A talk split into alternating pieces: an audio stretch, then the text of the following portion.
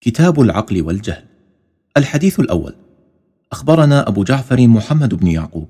قال حدثني عدة من أصحابنا منهم محمد بن يحيى العطار عن أحمد بن محمد عن الحسن بن محبوب عن العلاء بن رزين عن محمد بن مسلم.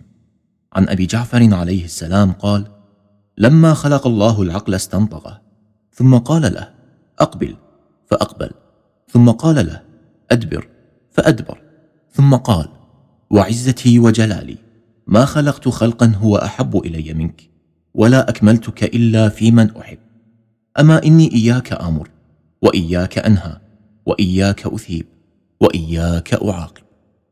الحديث الثاني علي بن محمد عن سهل بن زياد عن عمرو بن عثمان عن مفضل بن صالح عن سعد بن طريف عن الأصبغ بن نباتة عن علي عليه السلام قال هبط جبرائيل عليه السلام على آدم عليه السلام فقال يا آدم إني أمرت أن أخيرك واحدة من ثلاث فاخترها ودع اثنتين. فقال له آدم عليه السلام يا جبرائيل وما الثلاث؟ فقال العقل والحياء والدين. فقال آدم عليه السلام إني قد اخترت العقل. فقال جبرائيل عليه السلام للحياء والدين انصرفا ودعاه فقالا يا جبرائيل إنا أمرنا أن نكون مع العقل حيث كان. قال فشأنكما. وعرج. الحديث الثالث. أحمد بن إدريس عن محمد بن عبد الجبار عن بعض أصحابنا رفعه إلى أبي عبد الله عليه السلام. قال قلت له ما العقل؟ قال ما عبد به الرحمن واكتسب به الجنان. قال قلت فالذي كان في معاوية؟ فقال تلك النكراء تلك الشيطنة وهي شبيهة بالعقل وليست بالعقل. الحديث الرابع محمد بن يحيى عن أحمد بن محمد بن عيسى عن ابن فضال عن الحسن بن الجهم قال سمعت الرضا عليه السلام يقول صديق كل امرئ عقله وعدوه جهله. الحديث الخامس وعنه عن أحمد بن محمد عن ابن فضال عن الحسن بن الجهم. قال قلت لأبي الحسن عليه السلام إن عندنا قوما لهم محبة وليست لهم تلك العزيمة يقولون بهذا القول. فقال عليه السلام ليس أولئك ممن عاتب الله تعالى إنما قال الله فاعتبروا يا أولي الأبصار. الحديث السادس أحمد بن إدريس عن محمد بن حسان عن أبي محمد الرازي عن سيف بن عميرة عن إسحاق بن عمار قال قال أبو عبد الله عليه السلام من كان عاقلا كان له دين ومن كان له دين دخل الجنة. الحديث السابع عدة من أصحابنا عن أحمد بن محمد بن خالد عن الحسن بن علي بن يقين عن محمد بن سنان عن أبي الجارود عن أبي جعفر عليه السلام قال إنما يداق الله العباد في الحساب يوم القيامة على قدر ما آتاهم من العقول في الدنيا. الحديث الثامن علي بن محمد بن عبد الله عن إبراهيم بن إسحاق الأحمر عن محمد بن سليمان الديلمي عن أبيه قال قلت لأبي عبد الله عليه السلام فلان من عبادته ودينه وفضله كذا وكذا.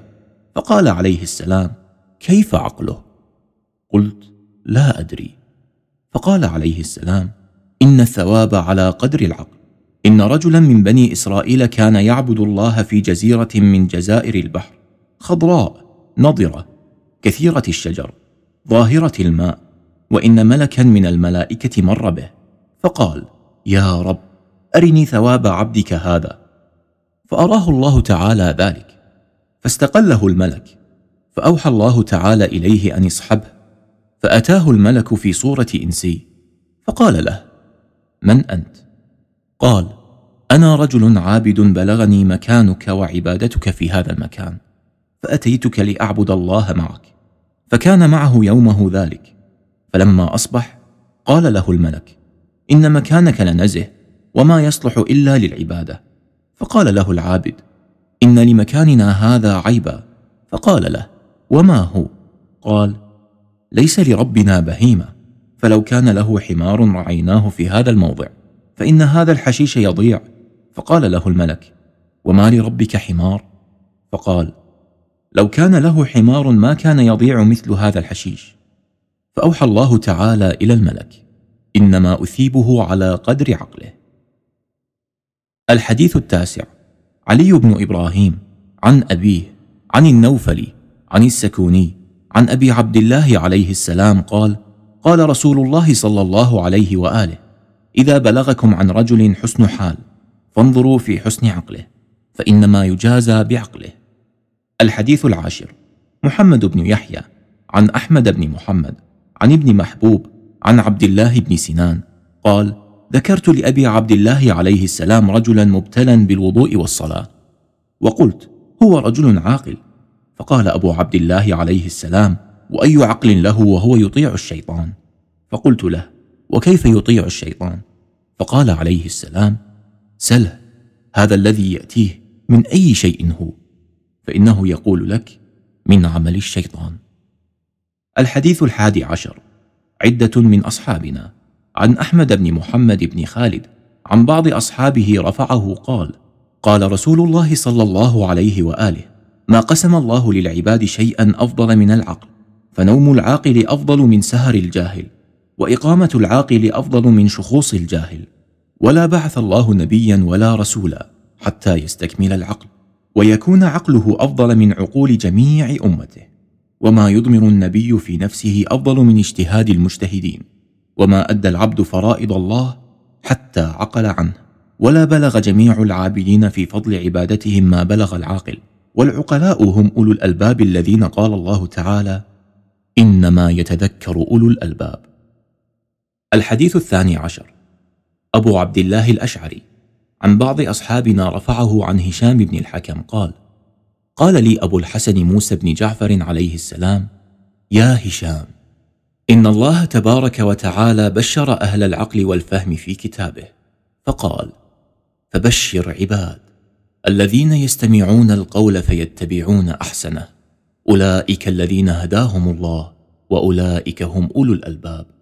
يا هشام إن الله تبارك وتعالى أكمل للناس الحجج بالعقول ونصر النبيين بالبيان ودلهم على ربوبيته بالأدلة فقال وإلهكم إله واحد لا إله إلا هو الرحمن الرحيم. إن في خلق السماوات والأرض واختلاف الليل والنهار والفلك التي تجري في البحر بما ينفع الناس وما أنزل الله من السماء من ماء فأحيا به الأرض بعد موتها. وبث فيها من كل دابة وتصريف الرياح والسحاب المسخر بين السماء والأرض لآيات لقوم يعقلون. وإلهكم إله واحد لا إله إلا هو الرحمن الرحيم. إن في خلق السماوات والأرض واختلاف الليل والنهار والفلك التي تجري في البحر بما ينفع الناس. وما أنزل الله من السماء من ماء فأحيا به الأرض بعد موتها وبث فيها من كل دابة وتصريف الرياح والسحاب المسخر بين السماء والأرض لآيات لقوم يعقلون. يا هشام قد جعل الله ذلك دليلا على معرفته بأن لهم مدبرا.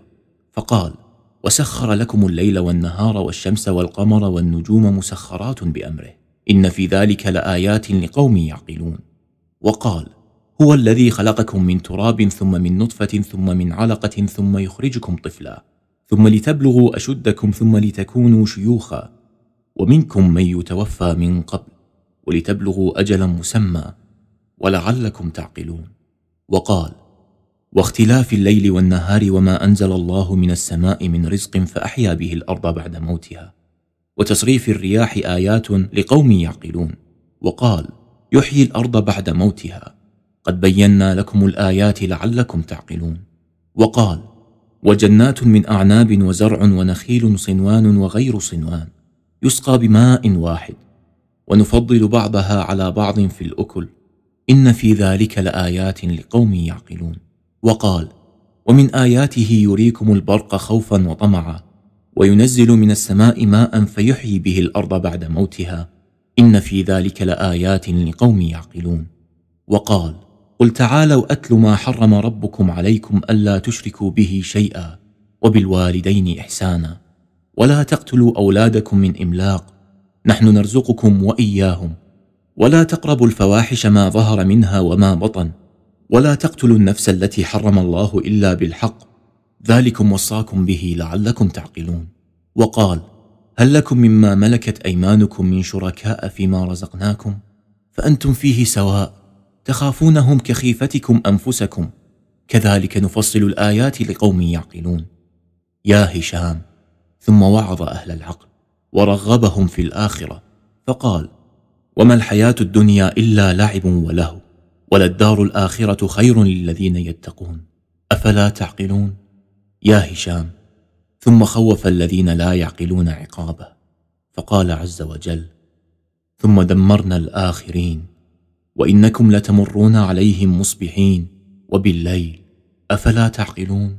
وقال إنا منزلون على أهل هذه القرية رجزا من السماء بما كانوا يفسقون ولقد تركنا منها آية بينة لقوم يعقلون. يا هشام إن العقل مع العلم. فقال وتلك الأمثال نضربها للناس وما يعقلها إلا العالمون. يا هشام ثم ذم الذين لا يعقلون. فقال وإذا قيل لهم اتبعوا ما أنزل الله قالوا بل نتبع ما ألفينا عليه آباءنا. أولو كان آباؤهم لا يعقلون شيئا ولا يهتدون؟ وقال ومثل الذين كفروا كمثل الذي ينعق بما لا يسمع إلا دعاء ونداء صم بكم عمي فهم لا يعقلون. وقال ومنهم من يستمعون إليك أفأنت تسمع الصم ولو كانوا لا يعقلون؟ وقال أم تحسب أن أكثرهم يسمعون أو يعقلون؟ انهم إلا كالأنعام بل هم أضل سبيلا. وقال لا يقاتلونكم جميعا إلا في قرى محصنة أو من وراء جدر. بأسهم بينهم شديد تحسبهم جميعا وقلوبهم شتى. ذلك بأنهم قوم لا يعقلون. وقال وتنسون أنفسكم وأنتم تتلون الكتاب أفلا تعقلون؟ يا هشام ثم ذم الله الكثرة. فقال وإن تطع أكثر من في الأرض يضلوك عن سبيل الله. وقال ولئن سألتهم من خلق السماوات والأرض ليقولن الله. قل الحمد لله بل أكثرهم لا يعلمون. وقال ولئن سألتهم من نزل من السماء ماء فأحيا به الأرض من بعد موتها ليقولن الله. قل الحمد لله بل أكثرهم لا يعقلون. يا هشام ثم مدح القلة فقال وقليل من عبادي الشكور. وقال وقليل ما هم. وقال وقال رجل مؤمن من آل فرعون يكتم إيمانه أتقتلون رجلا أن يقول ربي الله؟ وقال ومن آمن وما آمن معه إلا قليل. وقال ولكن أكثرهم لا يعلمون. وقال وأكثرهم لا يعقلون. وقال وأكثرهم لا يشعرون. يا هشام. ثم ذكر أولي الألباب بأحسن الذكر وحلاهم بأحسن الحلية فقال يؤتي الحكمة من يشاء ومن يؤتى الحكمة فقد أوتي خيرا كثيرا وما يذكر إلا أولو الألباب. وقال والراسخون في العلم يقولون آمنا به كل من عند ربنا وما يذكر إلا أولو الألباب.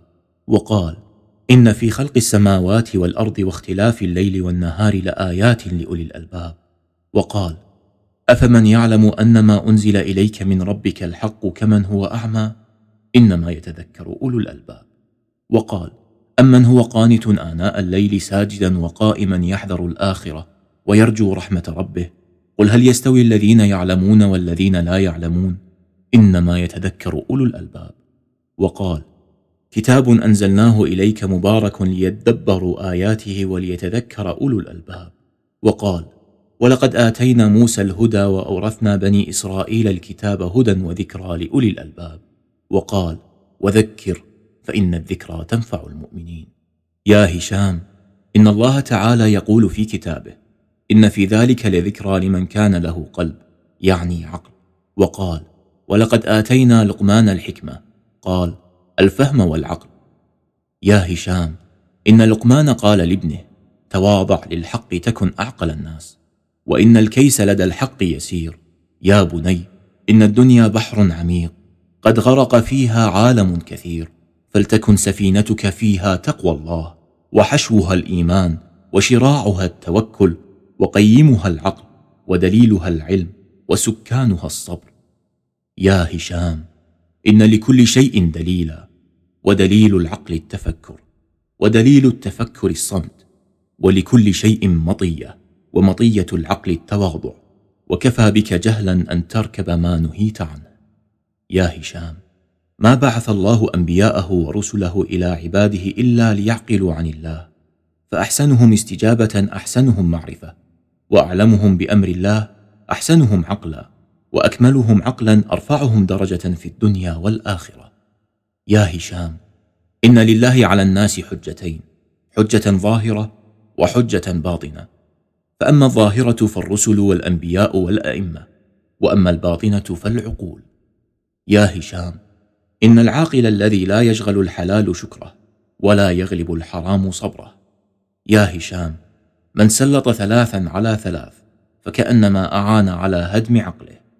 من أظلم نور تفكره بطول أمله ومحى طرائف حكمته بفضول كلامه وأطفأ نور عبرته بشهوات نفسه. فكأنما اعان هواه على هدم عقله ومن هدم عقله أفسد عليه دينه ودنياه. يا هشام كيف يزكو عند الله عملك؟ وأنت قد شغلت قلبك عن أمر ربك وأطعت هواك على غلبة عقلك. يا هشام الصبر على الوحدة علامة قوة العقل. فمن عقل عن الله اعتزل أهل الدنيا والراغبين فيها ورغب فيما عند الله. وكان الله أنسه في الوحشة. وصاحبه في الوحدة وغناه في العيلة ومعزه من غير عشيرة. يا هشام نصب الحق لطاعة الله ولا نجاة إلا بالطاعة والطاعة بالعلم والعلم بالتعلم والتعلم بالعقل يعتقد ولا علم إلا من عالم رباني ومعرفة العلم بالعقل. يا هشام قليل العمل من العالم مقبول مضاعف وكثير العمل من أهل الهوى والجهل مردود. يا هشام إن العاقل رضي بالدون من الدنيا مع الحكمة ولم يرض بالدون من الحكمة مع الدنيا فلذلك ربحت تجارتهم. يا هشام إن العقلاء تركوا فضول الدنيا فكيف الذنوب؟ وترك الدنيا من الفضل وترك الذنوب من الفرض. يا هشام إن العاقل نظر إلى الدنيا وإلى أهلها فعلم أنها لا تنال إلا بالمشقة. ونظر إلى الآخرة فعلم أنها لا تنال إلا بالمشقة. فطلب بالمشقة أبقاهما. يا هشام إن العقلاء زهدوا في الدنيا ورغبوا في الآخرة لأنهم علموا أن الدنيا طالبة مطلوبة والآخرة طالبة ومطلوبة. فمن طلب الآخرة طلبته الدنيا حتى يستوفي منها رزقه. ومن طلب الدنيا طلبته الآخرة. فيأتيه الموت فيفسد عليه دنياه وآخرته. يا هشام من أراد الغنى بلا مال وراحة القلب من الحسد والسلامة في الدين فليتضرع إلى الله عز وجل في مسألته بأن يكمل عقله. فمن عقل قنع بما يكفيه ومن قنع بما يكفيه استغنى ومن لم يقنع بما يكفيه لم يدرك الغنى أبدا. يا هشام ان الله حكى عن قوم صالحين انهم قالوا ربنا لا تزغ قلوبنا بعد اذ هديتنا وهب لنا من لدنك رحمه انك انت الوهاب. حين علموا ان القلوب تزيغ وتعود إلى عماها ورداها. انه لم يخف الله من لم يعقل عن الله ومن لم يعقل عن الله لم يعقد قلبه على معرفه ثابته يبصرها ويجد حقيقتها في قلبه ولا يكون احد كذلك. إلا من كان قوله لفعله مصدقا وسره لعلانيته موافقا. لأن الله تبارك اسمه لم يدل على الباطن الخفي من العقل إلا بظاهر منه وناطق عنه. يا هشام كان أمير المؤمنين عليه السلام يقول ما عبد الله بشيء أفضل من العقل وما تم عقل امرئ حتى يكون فيه خصال شتى. الكفر والشر منه مأمونان والرشد والخير منه مأمولان. وفضل ماله مبذول وفضل قوله مكفوف ونصيبه من الدنيا القوت لا يشبع من العلم دهره. الذل أحب إليه مع الله من العز مع غيره والتواضع أحب إليه من الشرف. يستكثر قليل المعروف من غيره ويستقل كثير المعروف من نفسه ويرى الناس كلهم خيرا منه وأنه شرهم في نفسه وهو تمام الأمر. يا هشام. إن العاقل لا يكذب وإن كان فيه هوى. يا هشام لا دين لمن لا مروءة له ولا مروءة لمن لا عقل له. وإن أعظم الناس قدرا الذي لا يرى الدنيا لنفسه خطرا. أما إن أبدانكم ليس لها ثمن إلا الجنة فلا تبيعوها بغيرها. يا هشام إن أمير المؤمنين عليه السلام كان يقول إن من علامة العاقل أن يكون فيه ثلاث خصال. يجيب إذا سئل وينطق إذا عجز القوم عن الكلام ويشير بالرأي الذي يكون فيه صلاح أهله. فمن لم يكن فيه من هذه الخصال الثلاث شيء فهو أحمق. إن أمير المؤمنين عليه السلام قال لا يجلس في صدر المجلس إلا رجل فيه هذه الخصال الثلاث أو واحدة منهن. فمن لم يكن فيه شيء منهن فجلس فهو أحمق. وقال الحسن بن علي عليهما السلام إذا طلبتم الحوائج فاطلبوها من أهلها. قيل يا ابن رسول الله ومن أهلها؟ قال الذين قص الله في كتابه وذكرهم. فقال إنما يتذكر أولو الألباب. قال هم أولو العقول. وقال علي بن الحسين عليهما السلام مجالسة الصالحين داعية إلى الصلاح. وادآب العلماء زيادة في العقل وطاعة ولاة العدل تمام العز. واستثمار المال تمام المروءة وإرشاد المستشير قضاء لحق النعمة وكف الأذى من كمال العقل وفيه راحة البدن عاجلا واجلا. يا هشام إن العاقل لا يحدث من يخاف تكذيبه ولا يسأل من يخاف منعه ولا يعد ما لا يقدر عليه ولا يرجو ما يعنف برجائه ولا يقدم على ما يخاف فوته بالعجز عنه. الحديث الثالث عشر. علي بن محمد عن سهل بن زياد. رفعه قال قال أمير المؤمنين عليه السلام العقل غطاء ستير والفضل جمال ظاهر فاستر خلل خلقك بفضلك وقاتل هواك بعقلك تسلم لك المودة وتظهر لك المحبة. الحديث الرابع عشر. عدة من أصحابنا. عن أحمد بن محمد عن علي بن حديد عن سماعة بن مهران قال كنت عند أبي عبد الله عليه السلام وعنده جماعة من مواليه فجرى ذكر العقل والجهل. فقال أبو عبد الله عليه السلام اعرفوا العقل وجنده والجهل وجنده تهتدوا قال سماعة فقلت جعلت فداك لا نعرف إلا ما عرفتنا. فقال أبو عبد الله عليه السلام إن الله عز وجل خلق العقل وهو أول خلق من الروحانيين عن يمين العرش من نوره. فقال له ادبر فأدبر ثم قال له أقبل فأقبل. فقال الله تبارك وتعالى خلقتك خلقا عظيما وكرمتك على جميع خلقي. قال ثم خلق الجهل من البحر الأجاج ظلمانيا. فقال له أدبر فأدبر. ثم قال له أقبل فلم يقبل. فقال له استكبرت فلعنه. ثم جعل للعقل خمسة وسبعين جندا. فلما رأى الجهل ما أكرم الله به العقل وما أعطاه أضمر له العداوة. فقال الجهل يا رب هذا خلق مثلي خلقته وكرمته وقويته وأنا ضده ولا قوة لي به فأعطني من الجند مثل ما أعطيته. فقال نعم فإن عصيت بعد ذلك أخرجتك وجندك من رحمتي. قال قد رضيت. فأعطاه خمسة وسبعين جندا. فكان مما أعطى العقل من الخمسة والسبعين الجند الخير وهو وزير العقل وجعل ضده الشر وهو وزير الجهل والإيمان وضده الكفر والتصديق وضده الجحود والرجاء وضده القنوط والعدل وضده الجور والرضا وضده السخط والشكر وضده الكفران والطمع وضده اليأس والتوكل وضده الحرص والرأفة وضدها القسوة والرحمة وضدها الغضب والعلم وضده الجهل والفهم وضده الحمق والعفة وضدها التهتك والزهد وضده الرغبة والرفق وضده الخرق والرهبة وضدها الجرأة والتواضع وضده الكبر والتؤدى وضدها التسرع والحلم وضده السفه والصمت وضده الهذر والاستسلام وضده الاستكبار والتسليم وضده الشك والصبر وضده الجزع والصفح وضده الانتقام والغنى وضده الفقر والتذكر وضده السهو والحفظ وضده النسيان والتعطف وضده القطيعة والقنوع وضده الحرص والمواساة وضدها المنع والمودة وضدها العداوة والوفاء وضده الغدر.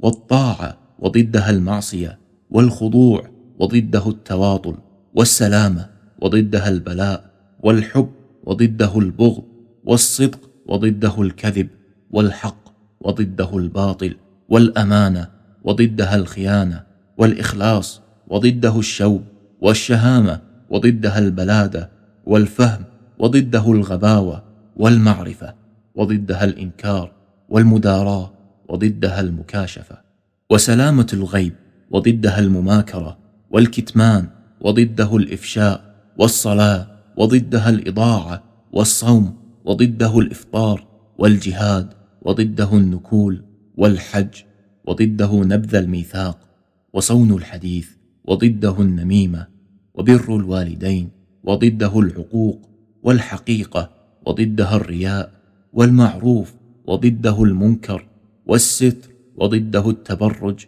والتقية وضدها الإذاعة والإنصاف وضده الحمية والتهيئة وضدها البغي والنظافة وضدها القذر والحياء وضده الجلع والقصد وضده العدوان والراحة وضدها التعب والسهولة وضدها الصعوبة والبركة وضدها المحق والعافية وضدها البلاء والقوام وضده المكاثرة والحكمة وضدها الهوى والوقار وضده الخفة والسعادة وضدها الشقاوة والتوبة وضدها الإصرار والاستغفار وضده الاغترار والمحافظة وضدها التهاون والدعاء وضده الاستنكاف والنشاط وضده الكسل والفرح وضده الحزن والألفة وضدها الفرقة والسخاء وضده البخل.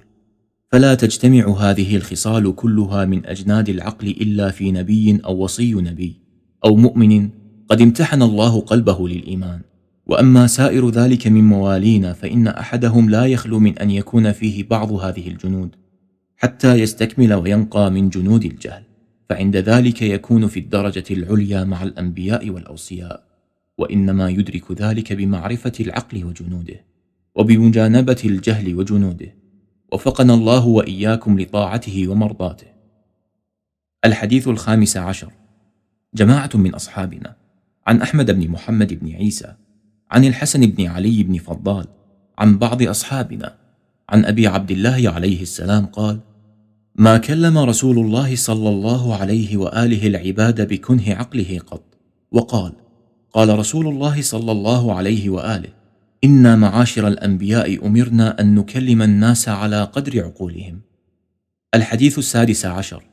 علي بن محمد عن سهل بن زياد عن النوفلي عن السكوني عن جعفر عن أبيه عليهما السلام قال قال أمير المؤمنين عليه السلام إن قلوب الجهال تستفزها الأطماع وترتهنها المنى وتستعلقها الخدائع.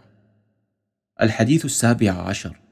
علي بن إبراهيم عن أبيه عن جعفر بن محمد الأشعري عن عبيد الله الدهقان عن درست عن إبراهيم بن عبد الحميد قال قال أبو عبد الله عليه السلام أكمل الناس عقلا أحسنهم خلقا.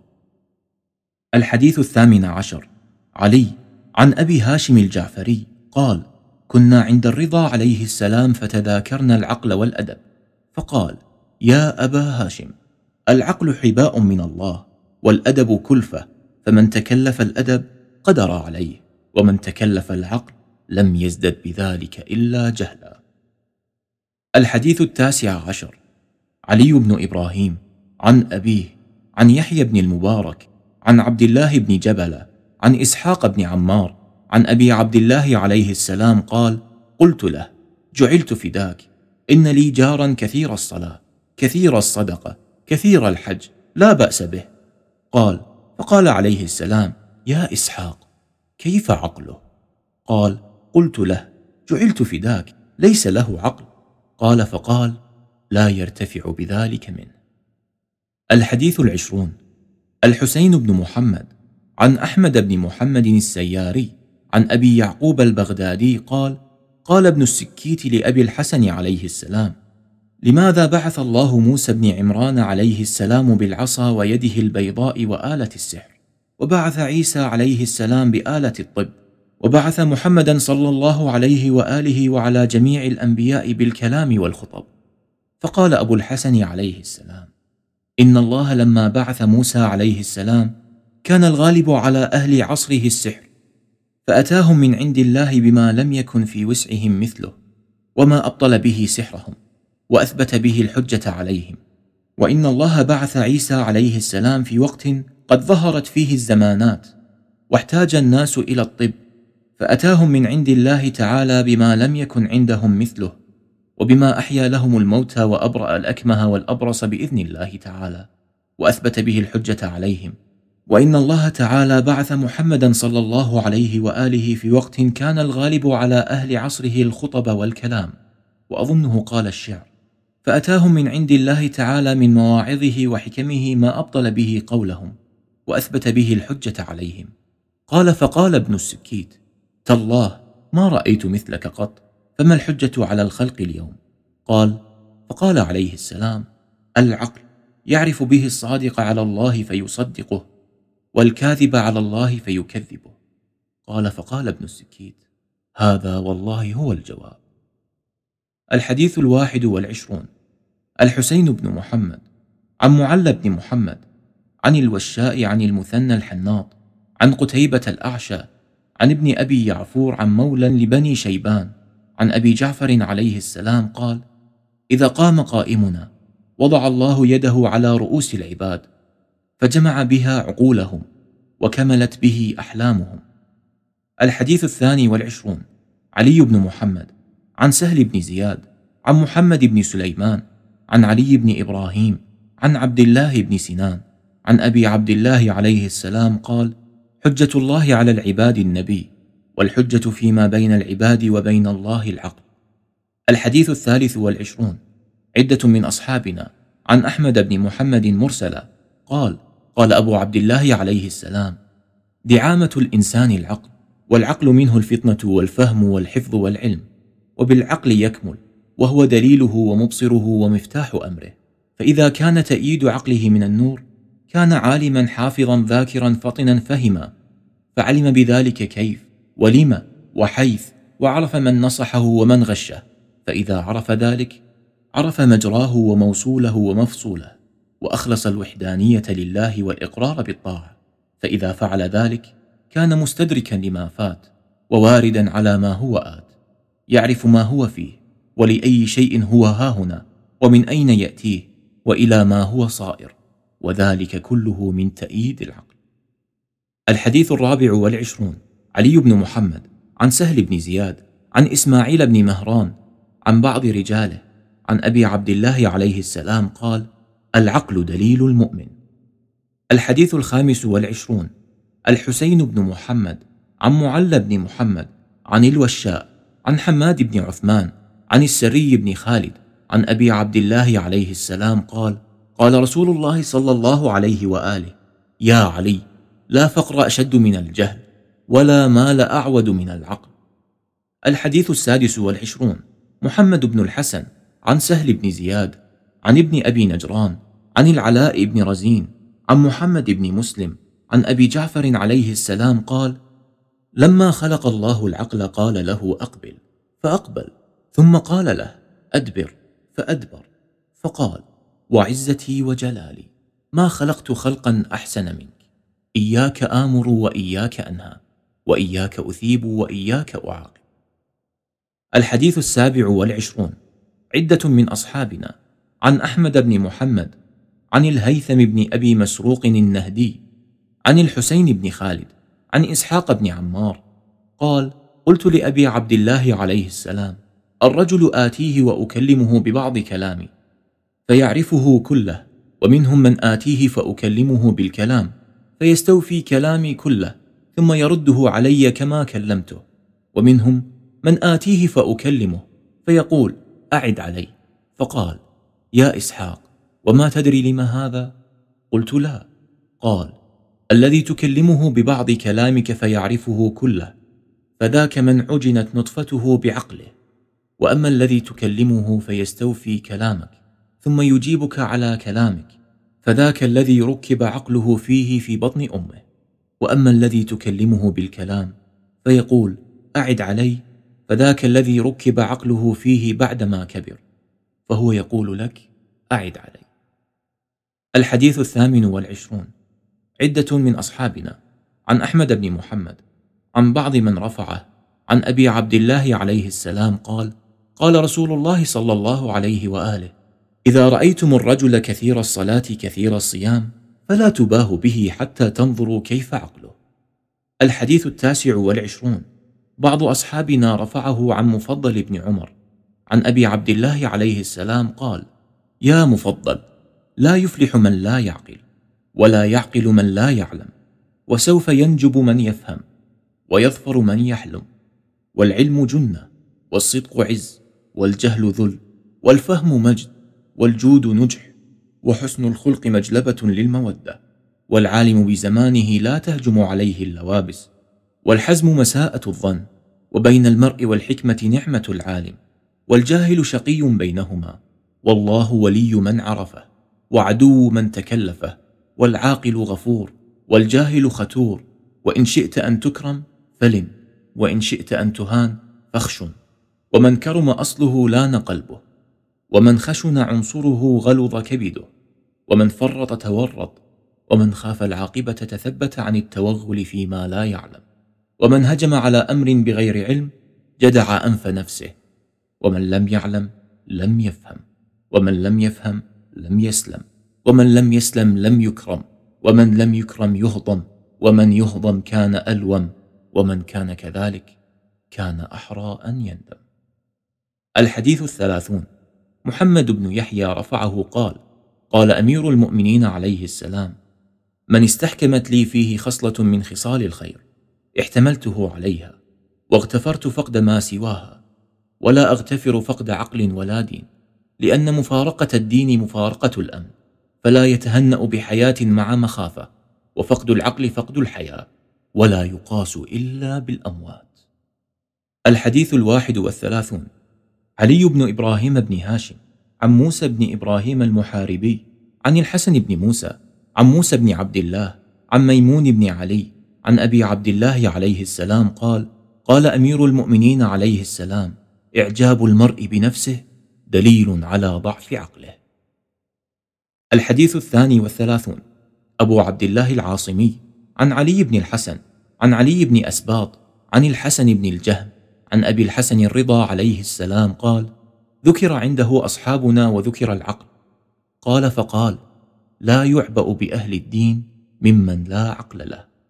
قلت جعلت فداك. إن ممن يصف هذا الأمر قوما لا بأس بهم عندنا وليست لهم تلك العقول. فقال ليس هؤلاء ممن خاطب الله. إن الله تعالى خلق العقل فقال له أقبل فأقبل وقال له أدبر فأدبر فقال وعزتي وجلالي ما خلقت شيئا أحسن منك أو أحب إلي منك بك آخذ وبك أعطي. الحديث الثالث والثلاثون علي بن محمد عن أحمد بن محمد بن خالد عن أبيه عن بعض أصحابنا عن أبي عبد الله عليه السلام قال ليس بين الإيمان والكفر إلا قلة العقل. قيل وكيف ذلك يا ابن رسول الله؟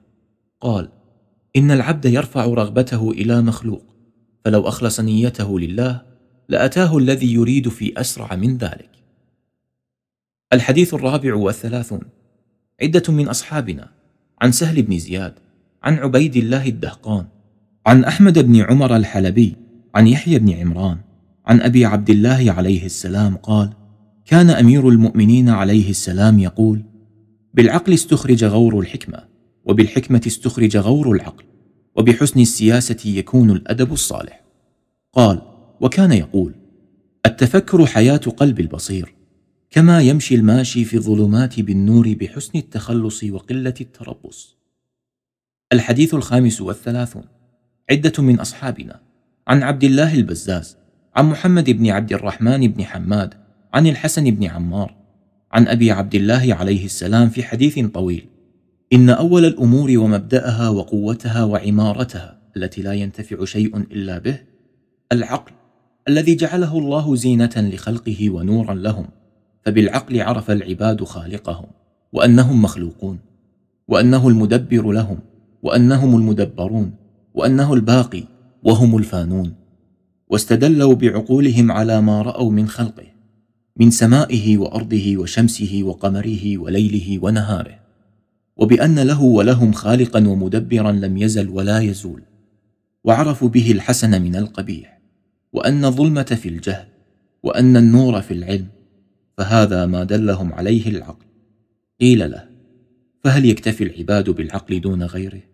قال إن العاقل لدلالة عقله الذي جعله الله قوامه وزينته وهدايته علم أن الله هو الحق وأنه هو ربه وعلم أن لخالقه محبة وأن له كراهية وأن له طاعة وأن له معصية فلم يجد عقله يدله على ذلك وعلم أنه لا يوصل إليه إلا بالعلم وطلبه وأنه لا ينتفع بعقله إن لم يصب ذلك بعلمه فوجب على العاقل طلب العلم والأدب الذي لا قوام له إلا به.